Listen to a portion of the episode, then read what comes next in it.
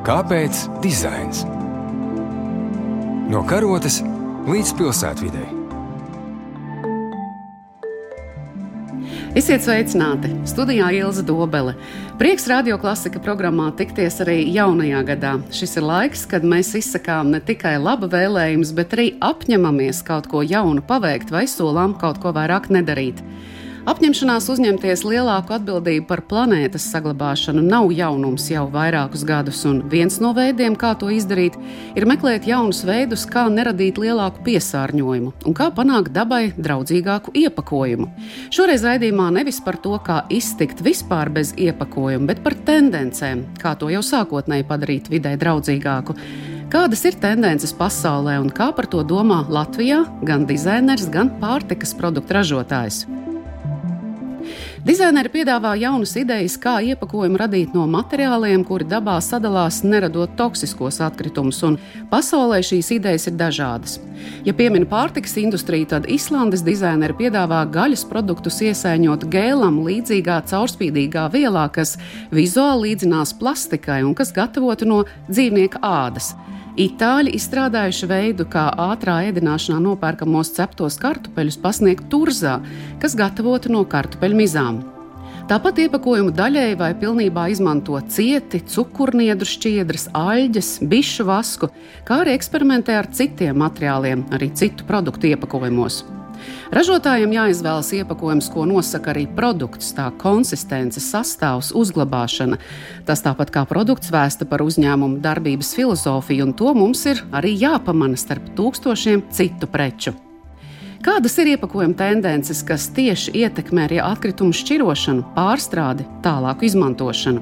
Uz sarunu esmu aicinājusi Latvijas graudaugu pārslu ražošanas uzņēmuma milzu īpašnieku Enno Enci. Uzņēmums 2015. gadā ir saņēmis labākā iepakojuma balvu Latvijā un 2016. gadā komunikāciju dizaina apbalvojumu Red Dot Award winner. Un field design studio dizaineru Jāni Andersonu, kura darbs pie kalve kofiju dizaina izstrādes tikko aizdītā gada izskaņā ir apbalvots ar Baltijas iepakojuma dizaina napa sudraba medaļu. Labrīt! Labrīt! Labrīt. Cik dažādi ir iepakojumi, jo patērētāja apziņā iespējams dalās tāds vienkāršāks dalījums - papīrs, plasmasa, nu, stikls pats par sevi. Kādu iepakojumu materiālu jūs izmantojat? Nu, mūsu iepakojuma tendences nosaka, ka pirmais ir higiēnas prasības, kādam jābūt mūsu iepakojumam vai mūsu produktam iepakotam. Otrs ir konkurence, kas notiek plauktos, cik liela izmēra un viss vispārējais. Trešais arī higiēnas prasība, ko uzliek arī cits regulējušas instances, jo ķēde no mūsu fabrikas līdz patērētājiem ir diezgan gara. Un tad, protams, ir jābūt ir aizsargātam. Mums ir plasmas un kartons. Mm -hmm, labi. Jāne, tu kā dizaineris strādā pie dažādiem risinājumiem ar dažādām kompānijām, bet viena no galvenajām lietām, kur tu vairāk strādā ar produktu, ir kalve kofija. Jā. Un uh, mūsu produktam, kā jau sarunas biedrs stāstīja, arī ir tas pats process, kad produktam jāatbilst tā, lai tas saglabā savas īpašības, nonākot līdz pircējiem. Tātad tur ir plasmas maisiņš, tur ir uh, bunģa, vai lielākos iepakojumos tur arī ir uh, plasmas pakas, vai vēl mēs uh, produktu piegādājam arī spaiņos lieliem pircējiem.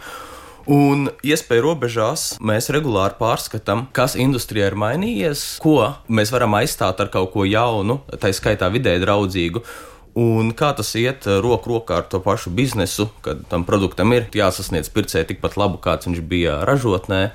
Mēs piedāvājam eh, metāla bunžās produktu, jo ir vietas, kur pircējs var nākt un uzpildīt atkārtoti, nopērkot bunžā šo produktu un vēlreiz nemaksājot par iepakojumu. Vai tas, kā jūs strādājot, katrs savā jomā redzat iespēju, nu, kā varbūt globālas tendences izmantot savā biznesā un vispār kādas ir šīs tendences?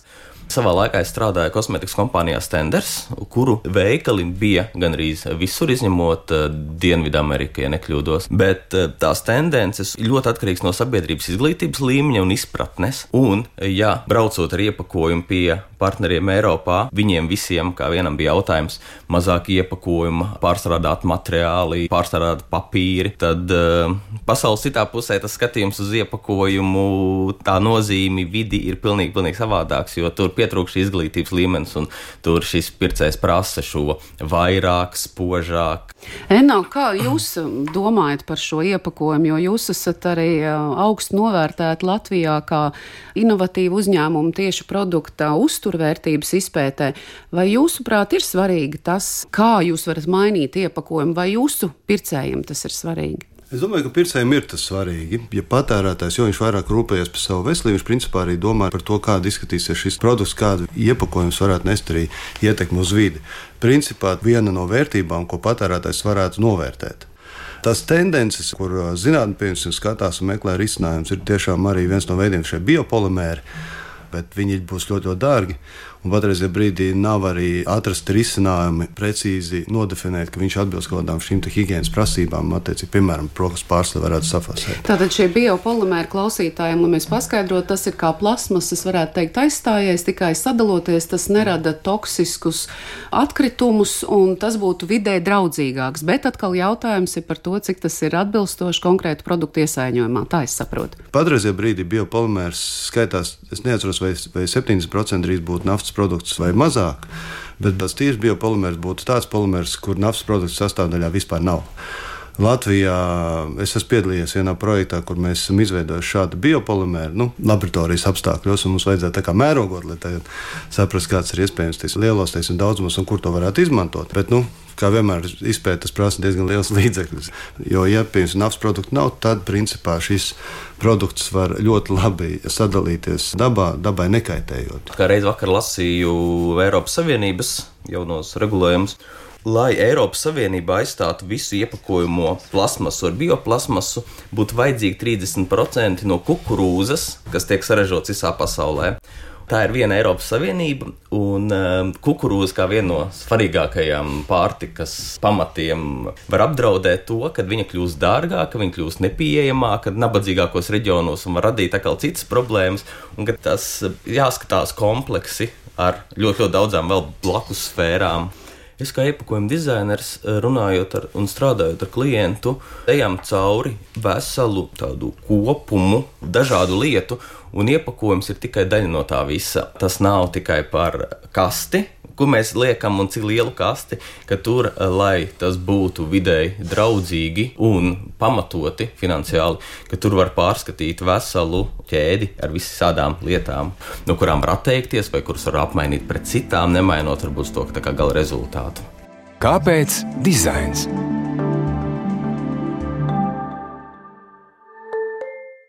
Līdzīgi kā mēs uz dažādiem produktiem redzam atzīmīts, ka tas ir bioloģisks saimniecība audzēts produkts vai tas ir Latvijas produkts, kvalitātes zīme, ir arī dažādi apzīmējumi, kas parāda, ka jau prece, kuru mēs nopērkam, ir nu, otrais pārstrādājuma materiāla iepakojums. Bet te ir jautājums, vai tiešām vienmēr šis otrais pārstrādātais materiāls ir vidē draudzīgāks nekā varbūt sākotnējais iepakojums? Man būtu laikam piemērs par to, ka gribot likt produktu stikla iepakojumā, viņš ir smagāks, viņš aizņem vairāk vietas, viņš tiek uzlikts uz paletes, ielikts konteinerā, liels kuģis viņu ved, un iespējams šīs tūkstotis stikla burkas atgādāšanas procesā ir vidēji kaitīgāk nekā tūkstotis plasmasa pakas, kuras pēc tam pie pareizes sistēmas pārstrādājot, varbūt pat var nonākt līdzsvarā. Uz tiem posmiem, kā uzņēmumiem vai kā dizaineriem strādāt vidē draudzīgāk, ir jāskatās kompleksi nevis tikai uz to gala rezultātu, kas tas iepakojums nonāk veikalā. Jo arī pat izmantojot vidēji draudzīgs un pārstrādājams materiāls pie sliktas pārstrādes sistēmas, viņš tāpat tā ir kaitējums vidēji. Un vēl viens interesants fakts, ko vakar lasīju, bija, ka turīgas valstis vai turīgi reģioni ir lielāki vidas piesārņotāji, jo viņi vairāk patērē, viņi vairāk pērk viņi vairāk rada atkritumus. Un kad uh, mums arī šeit Eiropas Savienībā dzīvojot, jo mēs dzīvosim labāk, mums būs vairāk atkritumu.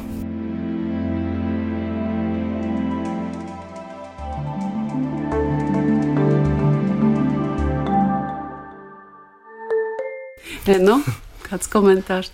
Es domāju, kam es piekrītu, ka nevajadzētu lekt no viena grāva, kā saka, otrā. Tagad viss tagad ražos, viss polmers, piemēram, no graudaugiem. Ja? Tas tiešām radīs industrijai, drīzāk patērētājiem pat diezgan lielu cirtienu, jo, protams, ka risinājumi nav tikai graudaugi, bet viņi ir visdažādākie. Tur pētījumi ir ļoti, ļoti, ļoti daudz, un tas, kurš atradīs vislabāko teiksim, šo te risinājumu, tas arī darbosies. Un es domāju, ka tur ir ļoti liela iespēja nākotnē lielam biznesam. Ja tu izdomā šo materiālu, tad jāskatās, kā šis materiāls ir salāgojams ar iekārtām, kas ir jau ražotājiem. Jo tālāk, kā viņš veic šīs higiēnas funkcijas produktam un kā viņš iztur šo loģistikas jautājumu, un beig beigās nonāk patērētājiem mājās, vēl, saka, nesadaloties vēl, ja? kas ir reizinātājos, bet, bet tad, kad patērētājs viņu ir izmantojis, tad mm. viņš tālāk sadalās. Bet eh, jūs abi eh, no NO vairāk, eh, jo pats pārstāv savu uzņēmumu, bet arī Jānis strādā ražotājiem. Ko ražotājiem nozīmētu pāriet uz citu iepakojumu? Man ir bijusi saruna ar klientiem, kas saka, ka viņi liks savu produktu šai papīra maisiņā, jo viņš izskatās bio.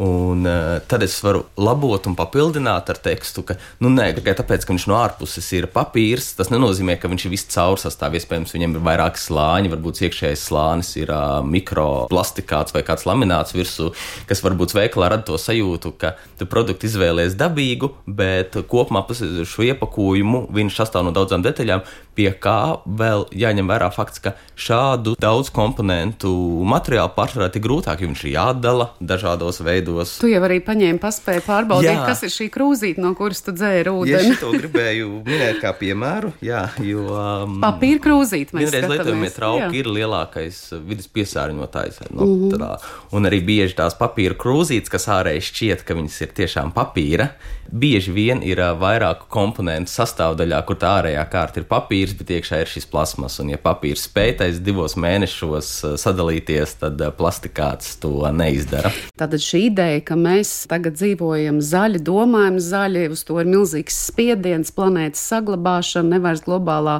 sasilšana, bet jau pārkaršana. Visi šie jēdzieni mums liek būt daudz uzmanīgākiem, un cilvēki, kuri šo filozofijai piekrīt, protams, tam seko vairāk līdzi. Man it kā pasniedz šo iepakojumu kā ļoti vidē draudzīgi, bet es jau nevaru būt par to droša. Tas ir tas, ko Enota teica, vai ne par to, ka ja mums būs jauni regulējumi, jaunas atpazīšanās zīmes, tad mēs tam varēsim ticēt vairāk šobrīd mums patiesībā var pārdot gandrīz jebko ar nu, šādu ideju. Mans pieejams ir tāds, ka es labāk nemānu. Es viņu uztveru to kā labāku alternatīvu teiksim, planētai. Tā ir viņa, piemēram, viens no pīlāriem, kāpēc viņš izvēlējās šo produktu. Pēc kaut kāda laika līdz viņam atnāk šī sapratne un informācija, ka, hei, klausies, tas, ko tu domāji, ka tas ir tas vislabākais planētai, patiesībā nav tas vislabākais. Tad, ieejot šādi patērētāji, tā kā nu, čībās, saprotot, tā, nu, tagad es laiku viņu pirku, tāpēc, ka viņš ir tā kā vidē vis, visdraudzīgākais, un beig, beigās viņš izrādās nav vidē vis, visdraudzīgākais. Tad jautājums ir, ko viņš domās pēc tam par šo preču zīmi. Tas var būt sitiens arī preču zīmēji, produktam. Ja zinātne, piemēram, nāks klajā un izstrādās jaunu risinājumu, nu, tad būtu labi arī skatīties, vai tas ir iespējams izvietot uz savu. Un mūsdienās zinātne arī ieskaitot visus uh, plasmas iepakojumus, ir gājis tik tālu, ka viņi ir domājuši, lai tas produkts visilgāk tajā iepakojumā noturās vislabākajā savā kvalitātē. Jo, ja tā nebūtu, tad produkts ātri zaudējot kvalitāti, uh, loģistika, jāved viņš atpakaļ, kur viņu izmest, un tas arī veido atkritumus. Kofija mērķis ir kļūt par nulles emisiju uzņēmumu. Mēs produktus izvedājam ar elektroautobīli. Mums ir uh, ieviesta šī zero waste sistēma, kad var uzpildīt, atkārtot iepakojumos. Bet tā pašā laikā tam ir jābūt produktu kvalitātei, ir jābūt labai, un produktam ir jāturās maksimāli iespējami ilgākajā periodā, lai viņam tas derīguma termiņš būtu. Milzīga balansēšana un noslēdzošais jautājums arī saistīts ar šo balansēšanu, jo, protams, ka Pircējs ir tas, kurš var sekot filozofijai, var sekot tam, kas viņam garšo, ko viņš vēlas. Bet vēl viena lieta, protams, ir tā, ka samazinoties mūsu spējai noturēt uzmanību, bieži vien mūsu izvēle nosaka arī vizuālais. Un jums, gan kā ražotājiem, gan Jānis, arī vēl papildus kā dizaineram, ir jādomā arī par to, lai jūs preci pamanītu. Cik daudz nākas varbūt upurēt produkta vizuālā tēlā, un reizē tajā balansā starp to, lai tas būtu vidē draudzīgs. Es laikam to neredzu kā upurēšanu. Manuprāt, iepakojums ir tikai viena, pat ne tā lielākā daļa no vispār produkta. Un, um, ja uzņēmuma produkts ir godīgs, attieksme pret savu klientu ir godīga, iepakojums ir atbilstošs tai auditorijai, kas šo produktu patērē. Ja uzņēmums visos savos līmeņos īsteno šo uh, labas uh, ražošanas dizaina, mārketinga prakses. Šis produkts strādā kā kopums, zīmols strādā kā kopums, un es pieļauju, ka labiem zīmoliem pārdot produktu uh, vienkārši iepakojumā nesagādā tās problēmas. Nu? Uzbara mainiņu, vienkārši ejam lielveikalā. Un iedomājieties, teiksim, tā, ka mēs ejam pa tiem plauktiem cauri. Visi iepakojumi, tas, kas tādā krāsā, vienkārši balts kastes stāv vai balta maisiņa. Nav nevienas informācijas. Mēs nespējam izvēlēties neko, ko mēs gribam, neatrast to, ko mēs vēlamies, neko vakardien nopirkām, piemēram. Ja? Iepakojums ir zināmā mērā komunikācijas veids uz mūsu brendu, piemēram, vai uz to, ko mēs eh, pārdodam milzu, ja konkrēti. Es viņu skatos kā uz personību. Un ar savu komunikāciju, ar savu teiksim, dizainu es mēģinu pateikt visu to, ko es esmu ielicis iekšā, attiecīgi, un mēģinu ar, ar savu izskatu to, ko mēs esam uzlikuši uz iepakojuma, iedot informāciju. Un tas nozīmē, ka tas iepakojums paliks, un tā komunikācija uz iepakojuma paliks. Jautājums ir nākotnes teiksim, tendence, kurā virzienā mēs aiziesim. Jaunā paudze jau izvēlās, balstoties apzināti, neapzināti, viņas šito ēdīšu, šito neēdīšu, šis nav veselīgs. Tas tāpat būs ar iepakojuma. Mēs esam sākuši runāt. Mana meita, kas tepat ir šobrīd arī studijā, jā, jā, jā studijā, jā, piemēram, un klausās. Un klausās jā. Jaunā paudze, viņi jau skatīsies, un viņi jau domās par šo vidi, un visu drīzāk kad viņiem jau gatavo nāks iekšā šie risinājumi, kas būs tā kā higiēna, ka tas ir tikai norma. Tāpat kā domāt, ko tu ēd, tāpat arī būs arī iepakojums, kādā tu to saņem. Jā, es piekritīšu sarunas biedram um, gan par paudzēm, kas mainīsies, kuras uh, vēl tikai aug, un uh, kuram skatījums uz pasauli ir jau savādāks un būs savādāks. Labi, paldies jums par sarunu. Studijā viesojās Latvijas graudaugu pārslu ražošanas uzņēmuma milzu īpašnieks Noence un Field Design studio dizainers Jānis Andersons, bet vēl par raidījumu sākumā jau pieminēto jaunā gada apņemšanos. Eiropas Savienība nosaka, ka jau pēc pieciem gadiem būs jāspēj pārstrādāt vismaz 65% iepakojumu materiālu. Tātad arī mums šeit Latvijā. Bet vēl pirms svētku kņades Siguldas pilsēta paziņoja, ka novadā drīzumā nevarēs vairs gaisā laist hēlī balonus un laternas, un publiskajos pasākumos neizmantos plasmasas vienreizējos traukus, kas veido piesārņojumu, no kura mēs noteikti varam izvairīties. Manuprāt, šāds lēmums svētku noskaņu nevis mazinās, bet vairos. Raidījums skaņu montē Judīta Bērziņa studijā Ielas Dobele uz tikšanos!